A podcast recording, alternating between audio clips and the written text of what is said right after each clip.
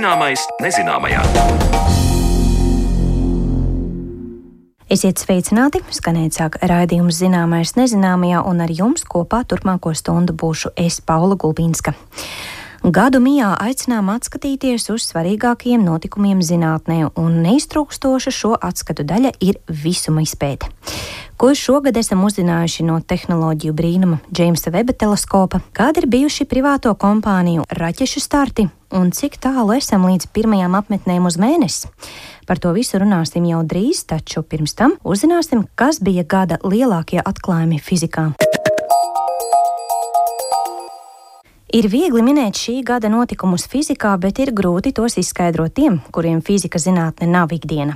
Manai kolēģei Zanē Lācei Baltāksnei palīgā nāca Rīgas Tehniskās Universitātes fizikas doktorants Andris Potrepko, kurš sīkāk iepazīstinās ar gada atklājumiem. To vidū ir pētījumi par sekundes miljārdo daļu un ātoma rengena attēls. Par to turpmākajās minūtēs. Desmit minūšu garā sižetā pieminēt vairākus būtiskus sasniegumus fizikā, kas ietver astronomijas, medicīnas fizikas pētījumus, kvantu zinātni un atomfiziku, ir ļoti sarežģīts uzdevums. Tikpat sarežģīts kā minētā zinātnes nozare.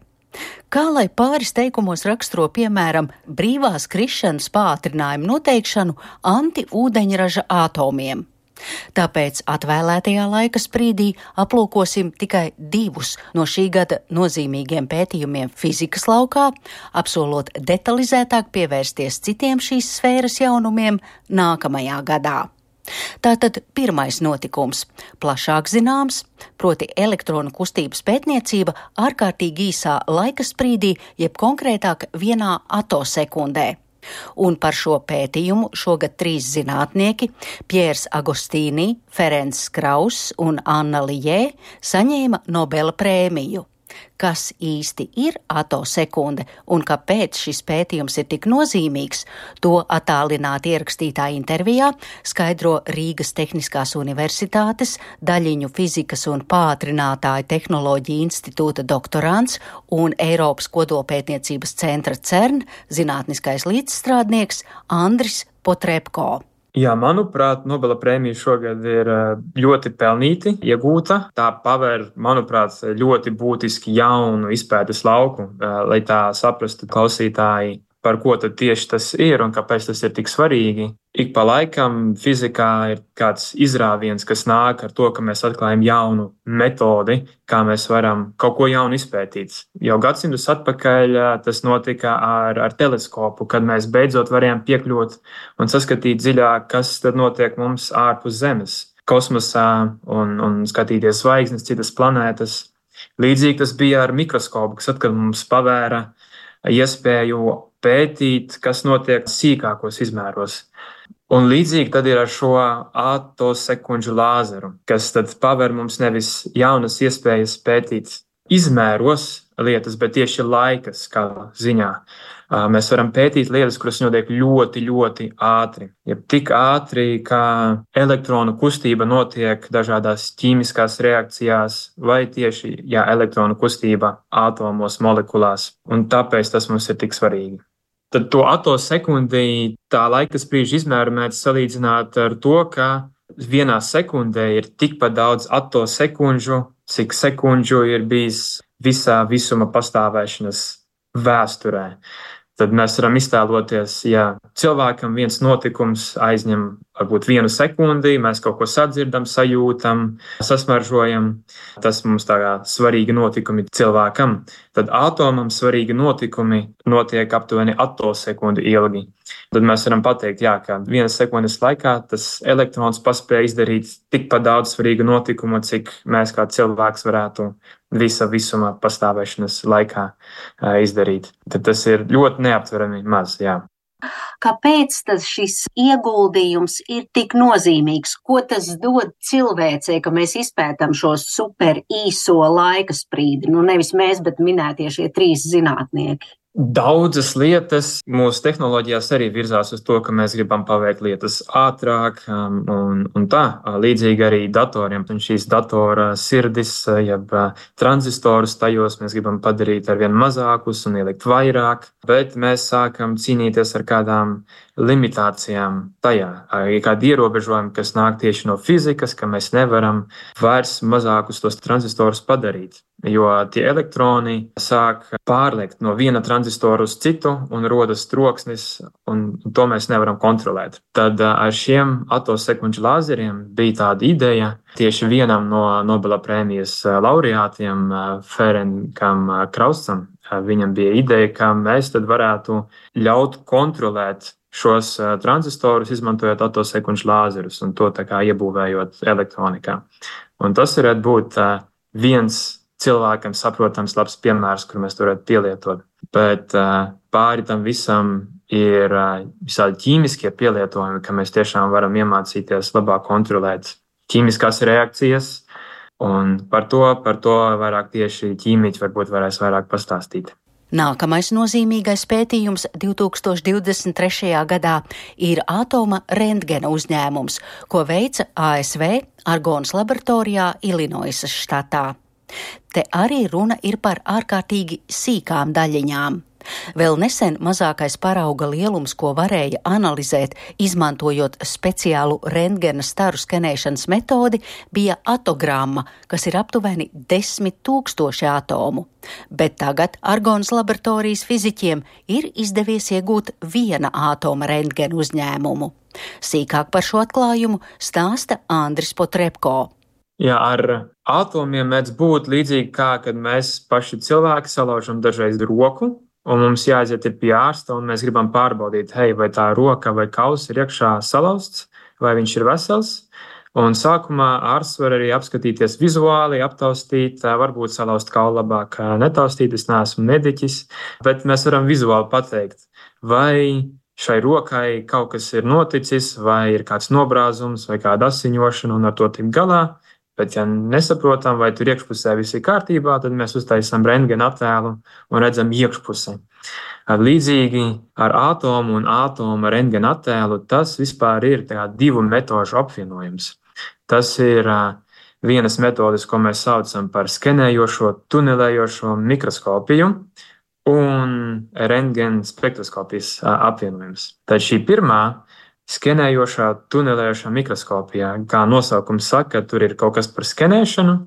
Tās metodes pamatā ir, ka mums ir adata, līdzīgi kā platēm. Tāda adata, kas iet pa virsmu un māca nolasīt to informāciju, kas ir šajā platē ar uh, magnētiem iestādīta. Līdzīgi ar šo skenējušo tunelējušo mikroskopiju, ka mēs uh, mākam iet pa virsmu kādam materiālam ļoti, ļoti, ļoti tuvu šim materiālam. Tas ir dažu nanometru attālumā, kas ir metra miljonā daļa. Bet šo skanējušo tunelējušo mikroskopiju mēs, tā problēma ir, ka mēs varam noteikt tikai to ārpusi mūsu materiālam vai molekulām. Mēs varam, citiem vārdiem sakot, noteikt tikai atomu ārējo elektronu čaulu. Tas ir tas, ko mēs varam noteikt ar skanējušo tunelēšo mikroskopiju. Un dažreiz mēs gribam noteikt arī vai saprast, kas notiek šajos atomos iekšpusē, jeb kā izskatās dziļākas elektronu čaulas. Un tāpēc mēs pievienojam šai metodei klāt arī šo rentgena staru metodi, jeb rentgena spektroskopiju. Un, un šeit, lai veidotu šo attēlu, atkal nāk palīgā šī tunelējošā mikroskopa adata, kas uh, spēj uztvert ļoti vājus elektronus, kas nāk ārā no šī ātoma. Jeb, uh, kāpēc, kāpēc mēs nevarējām pirms tam uztaisīt atomu rentgena attēlus, ir jo šis atstarotais rentgena stars, kurš nāk mums atpakaļ, kuru mēs gribam detektēt, kurš pateiks mums visu informāciju par to, kā tas atoms izskatās, tas rentgens stars ir ļoti vājš, un mēs viņu nevaram īsti detektēt. Un tāpēc, lai mēs varētu uztaisīt šī viena atoma rentgena attēlu, mums bija arī jānāk tālāk ar šo skenējušo tunējušo mikroskopu adatu un jāpieliek ļoti tuvu atomam. Un tā doma ir, kad mēs apstarojam mūsu atomu ar rentgena staru, viņš ierosina šajā atomā kādu elektronu, kurš atrodas kādā no elektronu čaulām. Un šis elektrons izlaiž ārā no šī atoma un, un ieliec tajā skanējušā, tunelējušā mikroskopā adatā. Un tā mēs varam uztvert to, kas nāk ārā no šī atoma iekšienes, jau no dziļākām elektronu čaulām. Kā teikts interneta žurnālā Fizikas pasaule, tad minētais paņēmiens var palīdzēt nākotnē materiālu projektēšanā, kā arī vides zinātnē, pateicoties spējai izsekot toksiskiem materiāliem, pat tad, ja tie apkārtējā vidē vai kādā organismā ir ļoti niecīgā sastāvā. Par to atkal prasu skaidrojumu savam sarunu biedram, Rīgas Tehniskās Universitātes daļiņu fizikas un pātrinātāju tehnoloģiju institūta doktorantam un Eiropas kodolpētniecības centra CERN zinātniskajam līdzstrādniekam Andrim Potrepko. Teiksim, par tiem toksiskajiem materiāliem ir tā, ka mums jau nevajag daudz kādu toksīnu, lai ķermeni sabojātu vai, vai saindētu, un ir svarīgi izsekot līdzi kur tieši šie toksīni nokļūst, kurās vietās mūsu ķermenī. Un ar, šo metodi mēs varam, ja mēs varam tiešām ar kādu mikroskopiju noteikt, kur molekulā atrodas kāds konkrēts atoms un kurš tieši atoms šis ir, tad šis mums arī var palīdzēt noteikt, kā tieši vielas izplatās mūsu ķermenī. Bet viens, par ko es zinu, ka šis varētu noderēt, ir tieši jaunu materiālu testēšanā. Šīs eh, metodes eh, būs ļoti noderīgas materiāla zinātnēs, lai noteiktu kādu materiālu īpašības, jo tas materiāla skaits, ko mēs varam veidot, ir neierobežots, ko organiskie ķīmiķi var uzsintēzēt. Atomu skaits ir varbūt ierobežots, eh, jo tos mēs visus varam salikt Mendeļēja vai tabulā, bet atkal kombinējot dažādu veidu oglekļa, skābekļa, slāpekļa, ūdeņraža atomus. Savienojot dažādās molekulās, mēs varam iegūt ļoti, ļoti lielu, plašu spektru ar dažādām vielām. Un ir grūti noteikt, kādas tieši šīs vielas īpašības būs pēc tā, kā mēs šos atomus saliekam. Un šī rentgenstaru metode var ļaut mums pateikt, kā tieši Šie atomi ir sarindoti šajā molekulā, kā elektroni uzvedās tur iekšpusē. Līdzīgi jā, par to toksīnu izplatīšanu un medicīnu mēs varam sekot līdzi, kur kāds konkrēts atoms, kurš ir piesārņojis varbūt mūsu kristāla režģī vai kādu organisku molekulu, kur viņš nokļūst un kā viņš uzvedas.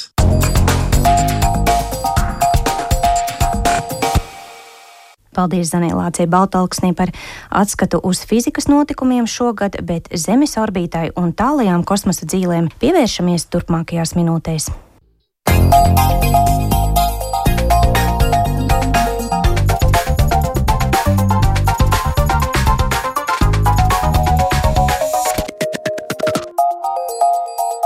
Zināmais nezināmajā. Gada izskaņa ir tepat uz sliekšņa, un par stabilu tradīciju ziemas vidū mūsu raidījumā ir kļuvis atskats uz aizvadīto gadu dažādākajās zinātnes jomās.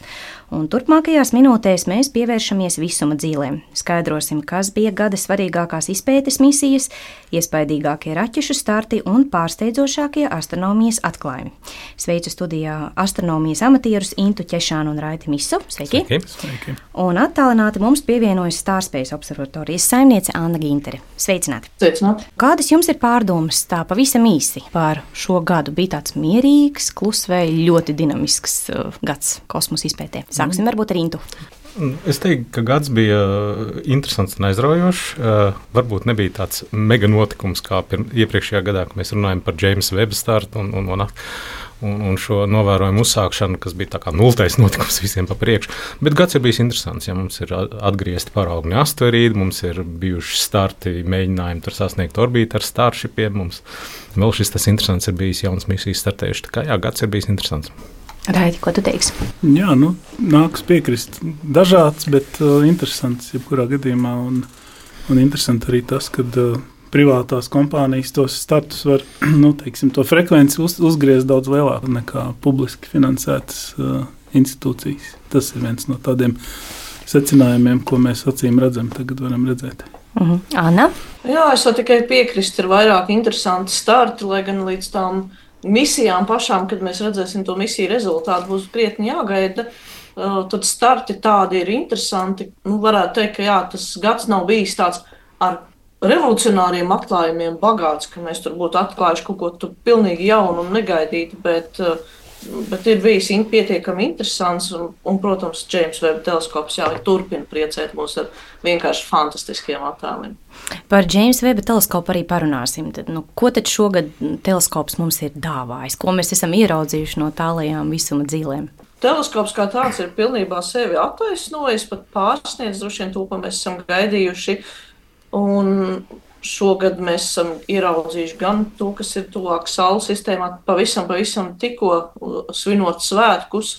Džeims uh, Veba teleskops ir nofotografējis urānu ar saviem fantastiskiem gradzeniem, kur skatoties optiskajos teleskopos, urāns mums šķiet ļoti neinteresants. Tad uh, interesanti no stāra teleskopā tā sistēma ir krietni vien aizraujošāka. Nu, un, protams, ir ļoti, ļoti daudz dažādu skaistu, detalizētu, tiešām, nu, uh, līdz uh, sīkākajām detaļām papildinātu attēlu no visuma dažādiem objektiem, uh, kā arī daudz labāk jau saprotam, ko mēs varēsim, varam sagaidīt no tā ķīmiskā spektra, ko mēs varam uzzināt uh, par dažādiem objektiem, piemēram, uh, protoplanetāro disku izpētē. Pavisam nesen arī publicēts pētījums ap ziņu par uh, ķīmisko sastāvu, kāds ir šajā protoplanetārajā diskā, un tāpat tās ir vairākas citas planētas, ir bijušas apskatītas tieši no atmosfēras uh, sastāvu viedokļa. Tā kā jā, nu, arī nav nekādu tādu, nu, varētu teikt, groundbreaking, kā saka, no nu, revolucionāra atklājuma, bet mēs redzam, kādas ir šī teleskopa iespējas, kāds ir šis potenciāls un tiešām uh, mums uh, ir daudz lielāka cerība, ka mēs varēsim labāk izpētīt tieši mazās citplanētas, Zemē līdzīgās, kuras atrodas šajā dzīvībai labvēlīgajā zonā. Līdz ar to nākotnē varētu to teikt, tuvākajā būs iespēja pavirzīties tālāk šajā jautājumā, kādas ir šīs planētas, kas riņķo ap citām zvaigznēm. No tieši no skatoties no dzīvības uh, viedokļa, kāds ir potenciāls šīm planētām uzturēt dzīvību. Atgādināsim klausītājiem, kāds bija Džeimsa Veba teleskopa mērķis. Tātad eh, ne tikai skaistas un uh, tiešām emocionāli ļoti uzrunājošas fotogrāfijas, katra fotografija ir ļoti, ļoti sīki, smalki detalizēta un pēc tam tiek pētīta pareizi. Jā, protams, ja, ja kāds ir mērķis, tad uh, ir, ir, ir vairāk mērķi. Ir, ir šīs citmonētas, potenciālai dzīvības meklējumi, ir saules sistēmas pētījumi, ir agrīnais visums. Uh, ir uh, protoplanētas un, un, un, un, un zvaigžņu veidošanās procesi. Tās ir dažādas tēmas, kurām ir ļoti strikti sadalīts teleskopu laiks, kādi projekti, cik daudz dabū un viss iet pa sekundēm. Tur nav, nav tik vienkārši. Es varu pievienoties Annai par, te, par šīm protoplanētām, dažādiem miglājiem un detalizāciju. Un, un šī te teleskopa izšķirtspēja mums ļauj saskatīt šos dažādus, analizējot spektru, analizējot gaismu, dažādus ķīmiskos elementus. Ne tikai mēs skatāmies šīm protoplanētām un, un, un citu planētām, līdz šim mums bija teiksim, aizdomas par to, kas tur ir. Tagad mēs varam pateikt, jā, tur ir tādas un tādas organiskās molekulas, jā, tur ir uh, ūdens tvaika, un viņi izrādās ir nevis kaut kur, viņi ir visur. Mums ir zināšanas par to, ka tas nav kaut kas unikāls vai rēts. Mēs analizējot arī gaismu no ļoti agrīnām zvaigznēm visuma pirmsākumos, mēs redzam, ka tur ir sarežģīts uh, oglekļa molekulas. Uh, organiskās, un kad, kad jau pašos visuma pirmsākumos tāda lieta pastāvēja. Tā kā, nu, ļoti interesanti. Vispār no šiem visuma pirmsākuma novērojumiem tā ir viena no lielākajām, manuprāt, sadaļām webam. Uh, kur ir, kur ir salīdzinoši daudz atklājumu. Katrs tur šobrīd ar šo teleskopu cenšas atklāt aizvien vecāku zvaigzni, kas ir bijis nu, tūlīt pēc visiem pirmsākumiem. Jā, mums ir 300 miljoni, mums ir 400 miljoni gadu pēc lielā sprādziena. Un, un, un, nu, šobrīd īstenībā tas, ko zinātniskā sabiedrība aicina, kad nu, nomierināties, eiforija pagājis, tagad pastieties vēlreiz lūdzu kritiski uz saviem datiem, vai viss ir tiešām objektīvi, jau publikācijas kā no pārpilnības raga nedz arī bez problēmām. Jā, jo pateicoties webam, mums tagad ir problēma ar Hubble konstantu. Tas ir, viņi, viņi raksturo to, cik ātri visums izplatās kilometru sekundē uz katru megapersekundi. Mums ir vairākas metodes, viens no tiem ir novērots supernovas tālās galaktikās, nu, tur arī var būt šāds cits objekts, bet nu, tā ir viena metode, otrs novērot mikroviļņu fonu. Un šie skaitļi atšķirās. Mums liekas, abas metodes pareizas, bet dati ir dažādi. Un, kur ir problēma, mēs īsti nezinām. Agrāk mēs to novēlējām uz to, ka mums mērījumi ir neprecīzi, ja, bet tagad Planka satelīts, kas mērīja mikroviļņus, ir nomērījis ļoti precīzi, un Webs arī mēra ļoti precīzi. Kas tur īsti ir? Nu, mums būs kaut kur vai nu jāpāraksta teorija, vai, vai jāsaprot metodas. Nu, kaut kas nav riktīgi. Tā jau faktiski ir tā, ka mēs jau ar Hubble bijām to uzzinājuši, to mērījumu veikuši. Un Webs tagad apstiprināja, ka Hubbleam bija tur ļoti trokšņaini dati, bet principā tas, ko izmērīja un izrēķināja, ir principā tas pats, ko tagad saka Webs. Līdz nu. ar to apstiprina to, ka tās Hubble nepatikšanas, Hubble konstants nepatikšanas ir reāla lieta. Tā viņas laikam sauc. Un, nu, jā, ar, ar Hubble teleskopu tie novērojami par supernovām iet runa. Jā. Mums ir 67 km/h, plus mīnus tur kaut kāda 5. Jā. Bet tagad mums ir plus mīnus 1, un, un tie 73, kas ir mm. mikroviņu mērījumos, nu nekādi tur vairs nelien iekšā. Jā, un, ir jādomā, kas par ko darīt. Ko nu? Kas, nu jā. jā, par pārējiem astronomijas atklājumiem, ne tikai tiem, ko ir uh, mūsu diženais web teleskops veicis. Kas vēl ir tāds uzmanības uh, cienīgs, ko šogad varētu minēt? Anna. Paraugu atgriešana no asteroīda kārtējā. Liekas jau pierasta lieta, un neviens vairs tā nesatraucās kā pie pirmā reize, kad Japāņi veda atpakaļ, bet katrā ziņā nu, tas ir kaut kas, ko mēs, mēs jau varam izdarīt, un šķiet, ka Nākamgad būs misija, kur Japāņi mēģinās no Fobosa, no Marsa pavadoņa atgriezties. Mēs, mēs jau esam labi iestrādājušies šajā virzienā. Pirms vairākiem gadiem bija publicēta Daniela Suereza zinātniskās fantastiskas grāmata par asteroīdu rakšanu un paraugu atgriešanu uz Zemi lielos apjomos. Tad mēs to tagad mēģinām, bet mazos apjomos. Bet, jebkurā gadījumā, tā mūsu interese par asteroīdiem joprojām ir, jo es domāju, tas notikums pirms 65 miljoniem gadu, kas nonesa lielāko daļu Zemes dzīvības, joprojām ir spilgta atmiņā.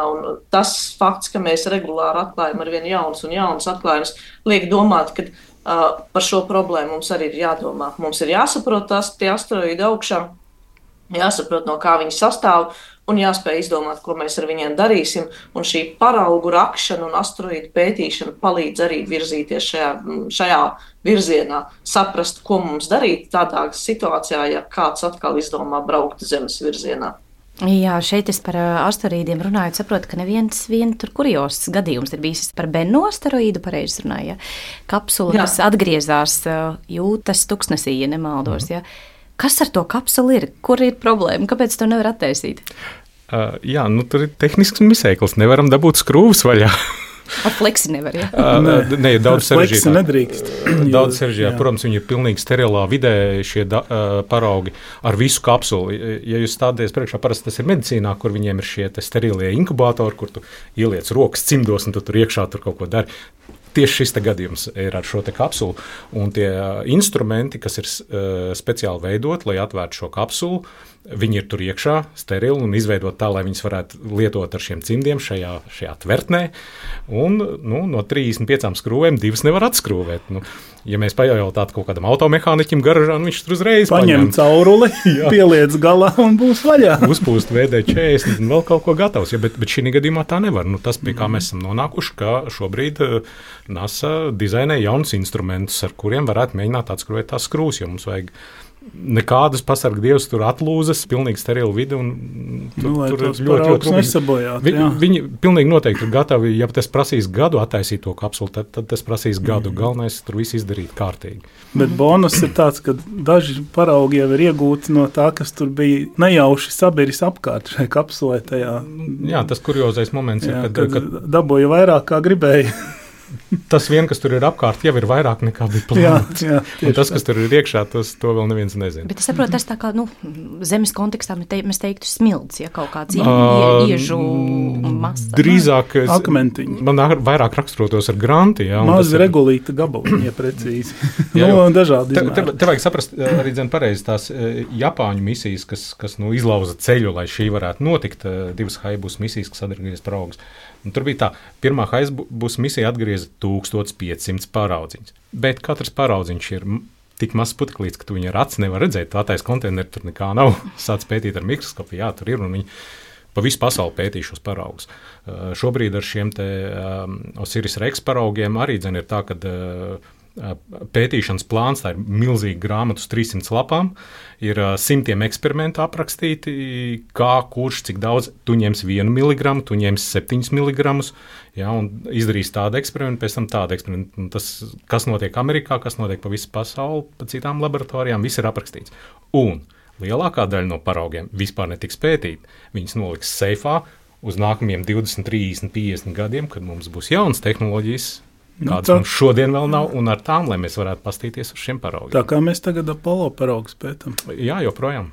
Ar, ar jauniem domāšana. instrumentiem, jaunām iespējām un dabūjām jaunus saprot- datus. Saprotu, ka nu, mūsu iespējas tādas, kādas viņas ir, un pēc Jā. gadiem būs vairāk. Jā, tāpēc paraugi ir, noliksim uz ledus. Bet Šobrīd tās ir ķīmiskās īpašības, jā, elementi. Vis- visādi. Vi, Viss kaut kas, jā, mēs, mēs pē- pētām ķīmiju, mēs pētām. Um, Spektrs un, un jā, mēs pētām to, mehāniskās īpašības. Tieši tā, tieši tā. visu, ko.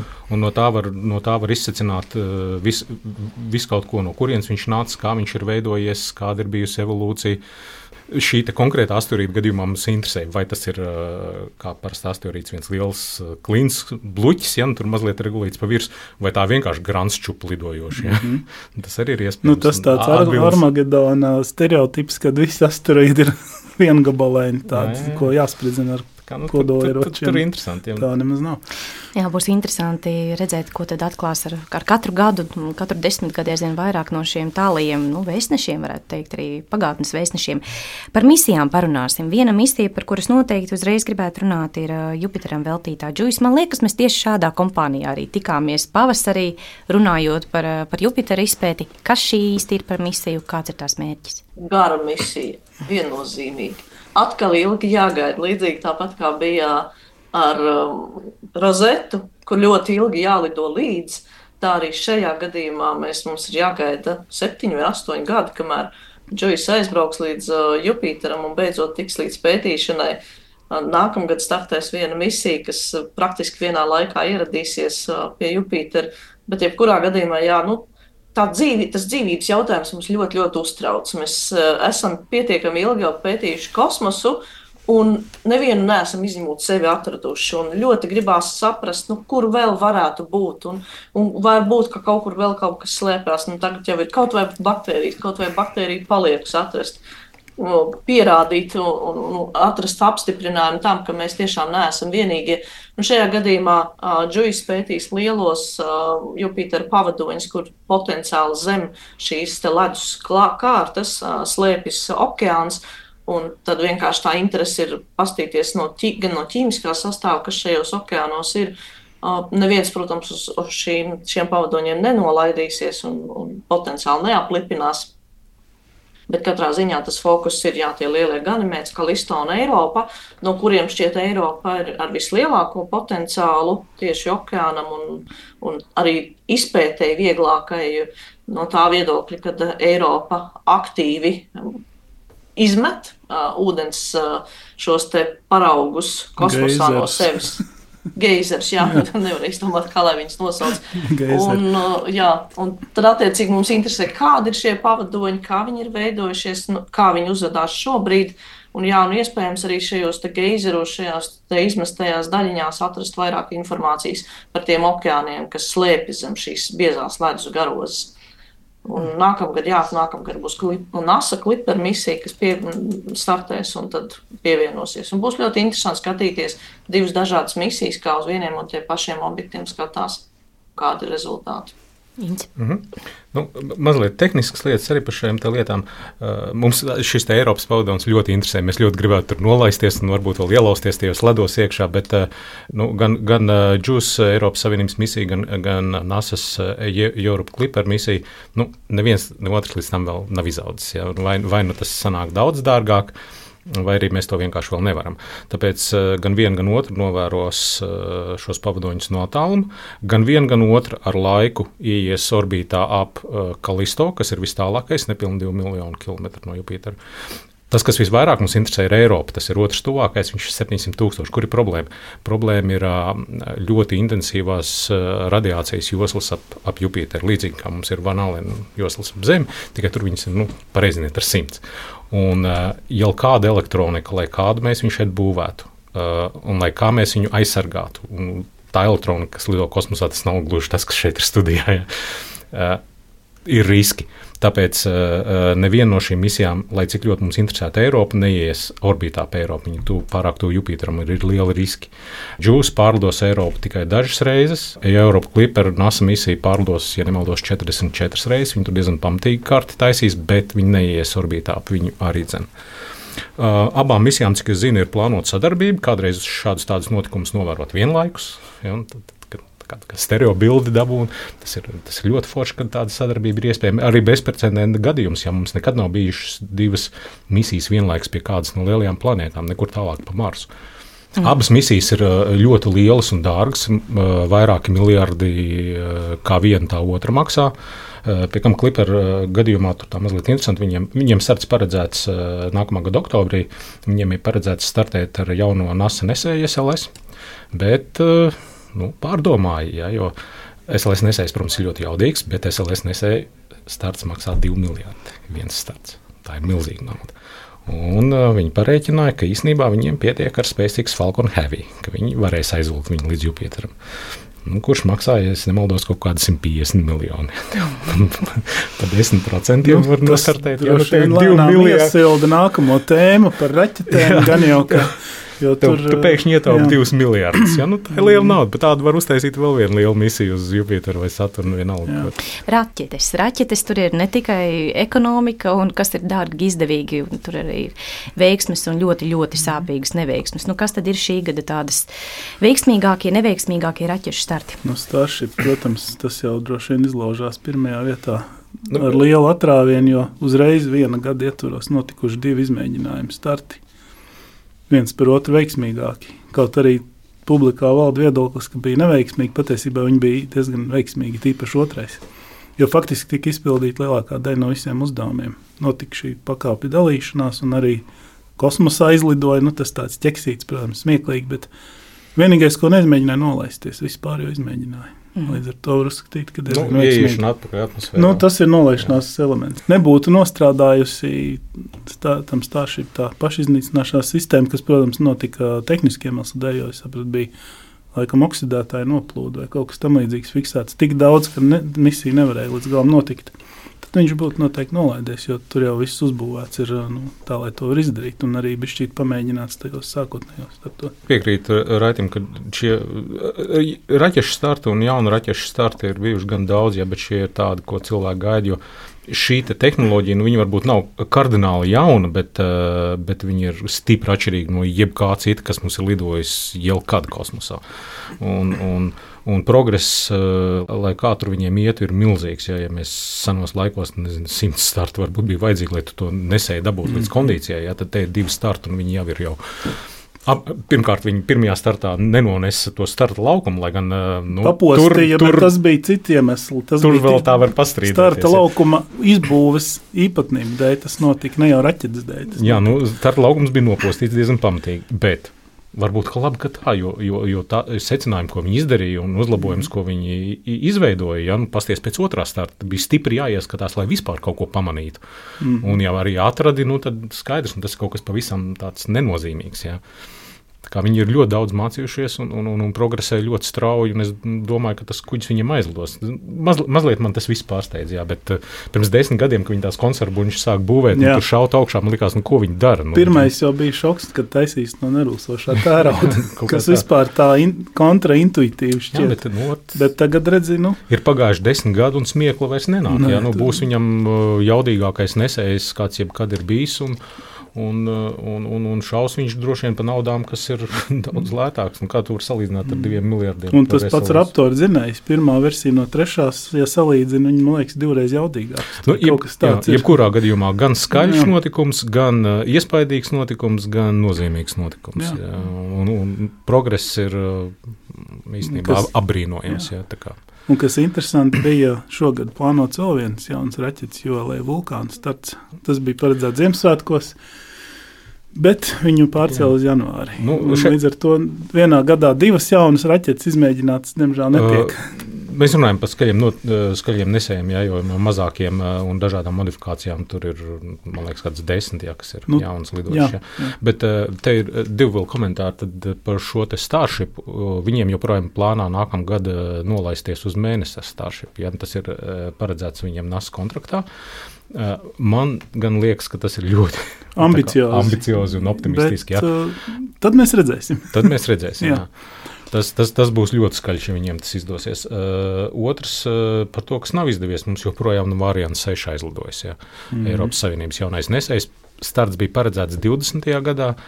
Nu, 20. bija skaidrs, ka nebūs, un tur vēl ir lietas labojamas, bet nu, 22. gadā mēs viņu reāli gaidījām, un 23. gadā nu, noteikti tur jau desmit misijas sazīmēts. Bet 23. gads ir beidzies, un arī joprojām ir uz zemes. Tālāk par dzinēju pamēģināšanas platformas tikuši nesam. Nu, es domāju, ka viņi aizlidos, jā. Un, nu.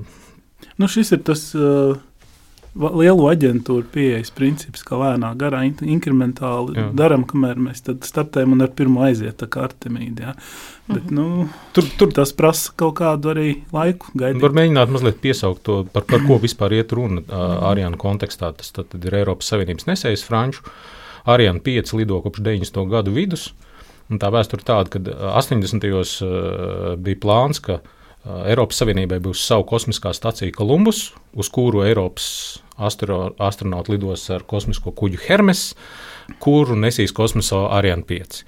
Nu, rezultātā sāk būvēt starptautisko kosmisko staciju. Tagad mums ir modulis Kolumbus, Eiropas Savienības, ja, kas ir palieks no tās stacijas. Hermes kosmosa kuģi tā arī neuzbūvēja, bet Ariane 5 nesēja uzbūvēja. Un tā milzīgā starpība ir, ka Ariane 5 ir eh, certificēts un, un kvalificēts cilvēku lidojumiem. Ir, tas ir ļoti maz. Augstas prasības. Tur, ārkārtīgi jā. augstas prasības mm. pret drošību, pret lidojumu trajektorijām, pret glābšanas mehānismiem, pret visu kaut ko. Un Ariane 6 tāds nebūs. Jā. Es runāju vienā lekcijā ar, ar vienu es, es augststāvošu menedžeri par šo jautājumu. Viņš teica, nu, baigi žēl, ka mums tas ir jādod, bet vienkārši nav to sveču vērts. Viss starpības starp Ariane 5 un Ariane 6 uh, ir celtspēja apmēram tā pati. Uh, kravas, ko nogādāt. Eh, kur tur apmēram viss tas pats. Ariane 6 divreiz lētāks. Nu, tieši tā cena. Ariane 5 ir 150 eh, līdz pār pa 200 miljonu atkarībā no tā, ko un kur vajag vēst Ariane 6. 75, 120 kaut kas tāds. Ja, nu, divreiz lētāk. Protams, mm. ka mēs gaidām to Ariane 6. Par cenu runājot, un, un arī varbūt klausītājiem uh, varētu rasties jautājums, nu, katru reizi, kā tas neveiksmīgais starts ir, tas taču izskatās televizora ekrānā tik šausmīgi sāpīgi, bet raķešu startos kļūda labojums. Tā ir pilnīgi normāla, ierasta praksa. Tas nav nekas ārkārtējs. Ne? No pašiem, pašiem sākumiem tikai tā. Mm -hmm par valstu veidotām misijām un raķešu startiem un privāto. Pirms uh, pieciem, desmit gadiem privātie lauzās iekšā, likās, nu, nišas produkts, teiksim, nu, nu jau ir. Kā? Nu, pirmkārt jau tas, ka tās visas raķetes jau privātie būvē tāpat. Tas, ka viņu maksā valsts, tas nenozīmē, ka viņi privātie nebūvē. Nu, ir kaut kādas lietas, ko dizainē varbūt. Kontraktoriem. Jā, bet jebkurā gadījumā viņas jau nu, ražo privātās rūpnīcās. Mm -hmm. Bet, eh, bet nu, tāpat laikā uh, SpaceX, protams, ir pirmais un lielais un, un galvas tiesu priekšā visiem pārējiem, lai gan privātās šādas kompānijas redzot, kā SpaceXam iet, ir tagad kā sēnes pēc lietas. Uh, un, ja mēs paskatāmies statistiku, gandrīz puse no visiem kosmiskiem startiem tagad ir viens pats SpaceX. Jā, viņš ir nolicis to savus falkonus uz konvejeru, viņi ir salīdzinoši lēti, salīdzinoši droši, kāpēc viņus neizvēlēties? Jā, līdzīgi kā 90. gados tur izvēlējās bieži vien ķīnieši nesējas, tāpēc ka lētāk. Nu, tagad tas ir SpaceX. Un, un, un statistika ir, nu, puse no startiem ir Amerikā, bet, bet nu, tie visi ir SpaceX. Pēdējo piecu gadu laikā startu skaits ir dubultojies. Katru gadu ir par kaut kādiem pārdesmit, 20, 30 vairāk. Šogad jau ir 210, ja nemaldos nu, biežāk nekā katru otro dienu. Un, uh, man jāpaskatās, bet es pieļauju, ka tik, tik daudz nav bijis nec 60. ne 80. gados. Mēs, mēs visu laiku dzināmies no. pakaļ tiem skaitļiem, jā, bet man liekas, ka nu pat jau ir. Jo pār. tagad jau ir vairāk to da dalībnieku. Ķīnieši taču arī aktīvi jā, darbojās. Visiem ir raķetes, un visi grib kaut ko dabūt augšā. Jaunzēlandieši arī Rocket mans personīgais mīlulis. Man viņi ļoti patīk ar savu pieeju, tīpaši ar tiem smieklīgiem nosaukumiem. Pēdējā misija saucās Pamodināt mēnesi dievu. Ar pilnīgi mitoloģisku pieskaņu. es pilnīgi saprotu, kāpēc SpaceX var likties pievilcīgs ar tādu nu, tiešām veiksmīgu izrāvienu, un valsta valdības, protams, saredz tajā lielisku iespēju īstenot savas intereses. Stāsts Boeing X-37B par šo tā ir militāra iekārta vai militāriem mērķiem paredzēta iekārta? Nu, kā es viņam augu no civilās puses, tas bija NASA aparāts, bet uh, NASA pa viņu mazliet zaudēja interesi, lai gan uh, viņš joprojām tur Kennedy kosmosa centrā tiek apko, apkopts un, un šauts, un, bet izmanto viņu ekskluzīvi militāri. Mm -hmm. ja. Ko viņi tur ved augšā, ko viņi dara?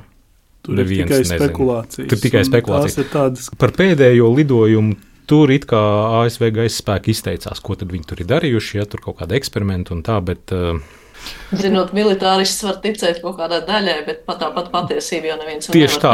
Var, varbūt, ka tur tie eksperimenti arī bija, ja, bet ko viņi vēl tur darīja, nekad neuzzināja. Jo viņam ir atverams uh, kravas nodalījums, kur var būt iekšā jebkas. Viņš var arī atstāt pavadoni tajā savā orbītā, vai ielikt lielu teleskopu iekšā un skatīties uz Zemes. Un, nu, vai testēt materiālus. Lai pārbaudītu un... visu kaut ko. Tā kā neviens jau īsti nezina, ko viņš dara, jo viņš ir nu, zem, zem slepenības grifa. Jā, nu, mēs tik zinām, ka tāds ir. Mēs zinām, kad viņš startē, kad viņš nolaižās. Nu, šobrīd ir gan prasmīgi amatieri, kas viņu ierauga kosmosā, bet tur viņi arī viņiem ir iespēja mazliet pamainīt orbītu, un tad viņi atkal kādu laiku meklē, kur viņš ir. Un interesanti, ka tā katra misija, katra nākamā, tagad septītā, ir arvien garāka un garāka. Tur iepriekš bija 900 vai 800 dienas. Jā. Viņš tur riņķoja apkārt un kaut ko darīja. Tā kā, nu.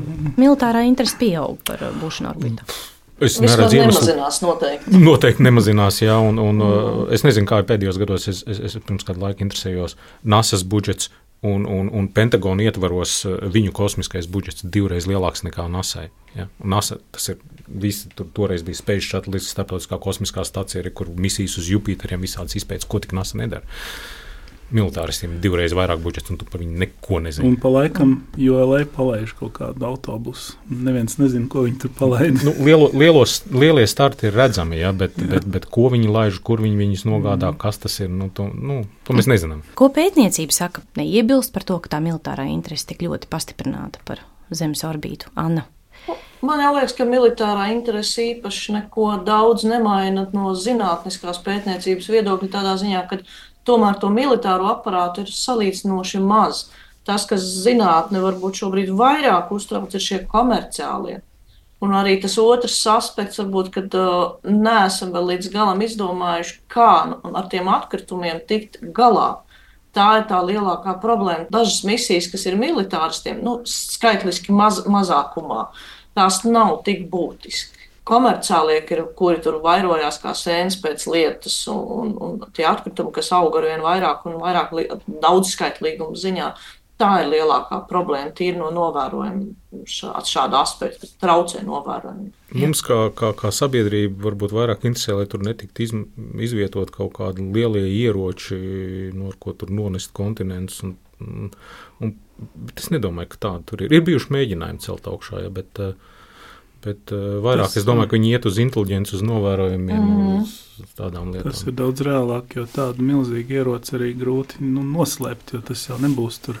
Nu, Kaut kas maziņš. Padomju Savienībā 88. cēlā lielo lāzeru augšā. Ja? Mm. Bet par atkritumiem runājot orbītā, vai šī gada laikā ir radušās kādas vēl idejas, kā varētu šo jautājumu risināt? Jo, nu, par to mēs pēdējā laikā ļoti intensīvi nu, runājam. Nu, idejas jau tepat kaimiņos bija, diemžēl neveiksmīgs starts bija mēģināt izmantot saules kā veidu, ātrāk tos lūžiņus savākt no orbītas. Nu, es, idejas ir dzirdētas visur sādas, bet, godīgi sakot, es neesmu redzējis, dzirdējis nevienu tādu nu, rīktīgi kvalitatīvu ideju, mm -hmm. kas, kas varētu to, to problēmu vērst par labu. Jo, ja mēs runājam par lielām atlūzām, nu, tur pavadonis beigts. Tur Plīnās, vai, vai otrā pakāpe tur jā, kaut, kā, kaut kādas at, at, mhm. atlikumi, jā, bet uh, lielā problēma jau ir mazie tādi, kas tev tur tenis bumbiņas izmēra kaut kādas atlūzas, un tādas ir miljoniem, kā viņas savāks. Nu, kosmiskajā stācijā šogad jau arī ietriecās viens un to dzēsēšanas šķidrumu izbūtu ārā pamatīgos apjomos. Nu, tā vismaz un... saka Roskosmos, ka tas bija atlūzas, bet vai tā bija? Nu, to mēs jau precīzi nezinām. Un tad vēl bija tās publicētas fotogrāfijas ar uh, to robotizēto roku Kanādas, kur arī bija sacaurumots. Pagaidām gan nav trāpījis kritiskās vietās. Bet jā, no tā viedokļa, ka arī cilvēkiem augšā kļūst ar vien bīstamāk uzturēties dēļ šīm atlūzām. Jo, protams, mazāk viņas, mazumā viņas iet lēnāk nekā viņas vairojās. Par cilvēkiem runājot orbītā, kā klājās starptautiskajai kosmosa stacijai, jo pēdējā laikā dzirdam tādas diezgan sērīgas runas par to, ka starptautiskās kosmosa stacijas liktenis ir izlemts un uh, drīz jau tur vairs nekā nebūs. Kā tad ir? Nu, ja man jāmin, tad es domāju, ka uh, liktenis nav izlemts. Mēs tikai par to runājam dēļ tās politiskās situācijas, kāda nu viņi ir. Jā. Lai gan uh, ar, ar sojuz kuģiem joprojām lido augšā ne tikai Krievi, bet arī amerikāņi. Jā. Gan ar iepriekšējo lidoju, gan ar nākošo lidos. Nu, tur nekas nav mainījies. Tas projekts ir pārāk liels, lai viņi tā vienkārši noslaucītu. Iemest okeānā. Jā, un, un, un tāpēc nu, tā, loģiski būtu, ka mēs to staciju vilksim un atjaunināsim un apkalposim, kamēr, cik vien ilgi var. Pa lielam, kamēr mums nebūs kaut kas vietā. Un nekas vietā šobrīd nav plānots. Jā. Ķīniešiem ir sava stacija, bet tas palielinās arī visu. Jā, tieši tas es gribēju minēt, ka tas ir viens no momentiem, ka ķīniešiem jau ir sava, un tad jau nav pārējie pasaulē. Mūsējās, kā saka, tad nav vienkārši cits. Tad ir iespēja vienīgi kaut ko darīt uz mēnesi, bet tas ir vēl jāgaida. Nu, no zinātniskā viedokļa, no tā, ko mēs iegūstam, protams, kosmiskā stācija joprojām ir aktuāla, neskatoties uz to, ka viņš šogad jau nosimēja savus 25 gadus. Un, un tās misijas un cilvēki, kas uzturās tur, un zināšanas, kas iegūtas gan no medicīnas viedokļa, gan no materiāla zinātņu viedokļa un vispārējā, tas ir tikai tāds ceļa bruģēšana uz to nākamo posmu, uz um, mēnesi, uz, uz kaut ko citu. Jo nu, nekur citur mēs tās zināšanas iegūt nevarēsim. Lai kādas mēs eksperimentus taisītu šeit uz Zemes, lai kā mēs viņus simulētu, tā informācija, kas tiek iegūta reālajā kosmosā, reāli cilvēkiem tur uzturoties, reāli tur eksperimentējot ar materiāliem ārpus kosmiskās stācijas, tas, protams, ir neatsverams. Tā kā, jā, es domāju, ka es piekrītu gan Intam, gan Raitam par to, ka mēs šo staciju centīsimies izvilkt cik vien ilgi vien var. Jo nu, nekāds adekvāts ekvivalents netiek plānots, un pat tas, kas būs uz mēnesi vai mēnesis orbītā, tas īsti nebūs tāda apjoma eksperiments, kā ir kosmiskā stācija. Par mēnesi arī parunāsim, jo par to pēdējos gados ļoti daudz esam runājuši. Nākamajā gadā jau ir plāni. Nu, novembrī tā kā būtu tas aplidojums, bet kā tur būs? Tad lūkšu pastāstīt par Jā, Artemis. Ar, ar plāniem ir tā, ka plāni ir uh, kopš 2000. sākuma un, un visu laiku viņi atbīdās. Jā, bija plānota izsēšanās jau 19. gadā, bet uh, nu, šobrīd grūti pateikt, kad viņi reāli, reāli būs, jo, jo arī šīs Artemis misijas painteresējies ik pa kādam laiciņam un atkal kaut kas ir nobīdījies. Tas nav nekāds pārsteigums, protams, ka tā ir. Tad, tad, tā ir milzīga programma un milzīgs darbs un daudz kas, kas jāuzbūvē, jāizgudro. Visu laiku stāstīja, ka īstenībā nu, tos nesējus, tos noliežamos aparātus, visu uzbūvēsim, skafandrus nevaram paspēt uzbūvēt. Jo, nu, tā ir ārkārtīgi sarežģīta iekārta. Tā ir galvenā bremze, kā šobrīd. Mhm. Bet uh, kopumā nu, tur, Tur, tur nav tik vienkārši. Tas nav, tas nav atgriezties uz mēnesi. Tas ir uh, izbruģēt ceļu ar tehnoloģijām, ar procesiem par to, lai tur uh, to varētu lietot pēc tam vispārējā pasaulē. Vienalga, vai tā ir komercija, vai zinātnē, vai tu, izklaide, turisms, vai vienalga kas. Ja. Es nesen lasīju vienu, vienu papīru. Zinātniski, kur bija kā attīstīsies loģistikas kompānijas, tā kā mēs būsim uz mēnesi, būsim tur orbītā kaut kādā kaut ko tur darīsim, vienalga. Varbūt vēl kaut kur citur. Kā tagad notiks? Tad uz zemes mums ir, mums ir konteineru kuģi, mums ir vilcieni, mums ir lielie traileri pa, pa ceļiem brauc, ja tur ir kur kaut kāds paku skats man no interneta bodas atved kaut ko, nu, loģistikas pakalpojumi ir, un tur viņi augšā arī būs. Tad cilvēki ir izdomājuši, kā tur viss būs, kas uz kurien ar kā apmēram varēs to transportēt, kā tas būs izdevīgāk. Tas viss top. Taps vesels jauns ekonomikas. Ja? Tas ir šis Artemis viens no, ja ir, ir, ir tīrā zinātnē, akadēmiskā, fundamentālā, kur tu īstenībā nekad neprasi, kāpēc tev viņu vajag, jo tu nezini, kurš būs tas nākamais izgudrojums, ja kas tev radīs tur elektrību, vai, vai, vai izgudros, vai, vai pusvadītāju, vai internetu, pamēģiniet mūsdienu pasaules bez tādām lietām iztēloties. Un tad ir šīs jaunās ekonomikas, kas, ko tas radīs ne tikai tur augšā. Tas būs mainīsies lietas šeit uz Zemes tikai tāpēc, ka mēs to lietojam. Bet virsmēķis šai misijai, nu, labi, ir skaidrs, kopš 70. gada sākuma pēdējā reize, kad cilvēks tā teikt uzkāpa uz mēnesi virsmas, bet šis sentiments nav pamats. Šīs ir pilnīgi divas dažādas lietas. Jā. Jā. Toreiz vajadzēja būt pirmiem uz mēnesi. Nav svarīgi, e, ko mēs tur darām. E, mums vajadzēja tur uz turieni nonākt un no turienes atgriezties. Punkts. Un par to mēs maksājām vienalga kādu naudu. E, Nasai bija nosacīti nu, tā, virtuāli neierobežots budžets toreiz. Šobrīd ar, ar Artemis programmu tā nav. Ja mēs esam, lai paceltos un paliktu tur uz palikšanu. Nevis nonākt, atgrieztos uz mēnesi, jā, nu, baigi foršais lozungs, ja, bet mēs, mēs bruģējam ceļu nākotnes ekonomikām, nākotnes dzīvesveidam, nezinu. Nākotnes misijām uz jā. Marsa. Pilnīgi noteikti, jā, tas ir, tas ir plats darbs, kurā mēs izmantojam, uh, kur mēs izmantojam, lai testētu lietas, kā tas notiks. Jo, uh, Ir cilvēki, kas saka, nevajag to mēnesi lidojumu taisno uz Marsa, ja, bet uh, ir dažādas lietas, piegādāt resursus vai, vai teiksim, evakuēt kādu no kosmiskās stacijas. Mēs to varam izdarīt dažu minūšu laikā, pēc stundas cilvēks būs Zemē. No mēneša tas aizņems droši vien dienu, divas, no Marsa gads. Ja. Tas ir piegādāt tur kaut kur pacelt augšā uz kosmisko staciju, nu, tas maksā. Nogādāt uz mēnesi, maksā dārgāk. Nogādāt uz Marsa, nu, piedodiet man, daudz ko mēs tur vispār nevaram nogādāt. Praktiskais aspekts, kad no mēnesis orbītas startēt uz Marsa, ir lētāk. Nu, kas to zina, kā, kā tas vēl notiks? Jā, kā bet... tas notiks, protams, mēs nezinām, bet ir pilnīgi iespējams, ka Mars bet, bet, no mēnesis. Lai vai kā šī Artemis programma iet uz priekšu un, un, un mēnesis stacija pamazām tiek būvēta, neviens, neviens moduļi top. Jā. Moduļi top, jā. Tā skaitā tepat kompānijas Rīgā taisa dzelžus priekš mēnesis stacijas. Jā. jā, par to arī raidījumos esam stāstījuši. Tagad gan es teikšu paldies maniem sarunas biedriem, ieskicējām, kāds ir bijis šis gads, nedaudz ielūkojāmies pats laiks caurumu, ko varbūt varētu sagaidīt no nākamā gada. Astronomijas amatieri Inns Češāns, Anna Ginter un Raitis Miss šodien bija pie manis attālinātā un klātienes studijā. Paldies jums! Paldies teikšu arī Girtam Bišam, Zanē Lācei un operatoram Rēnim Budzim, kuri piedalījās raidījuma tapšanā. Ar jums kopā šo stundu bija Paula Gulbīnska, lai priecīgi gada nogalas svētki un uz tikšanos nākamgad!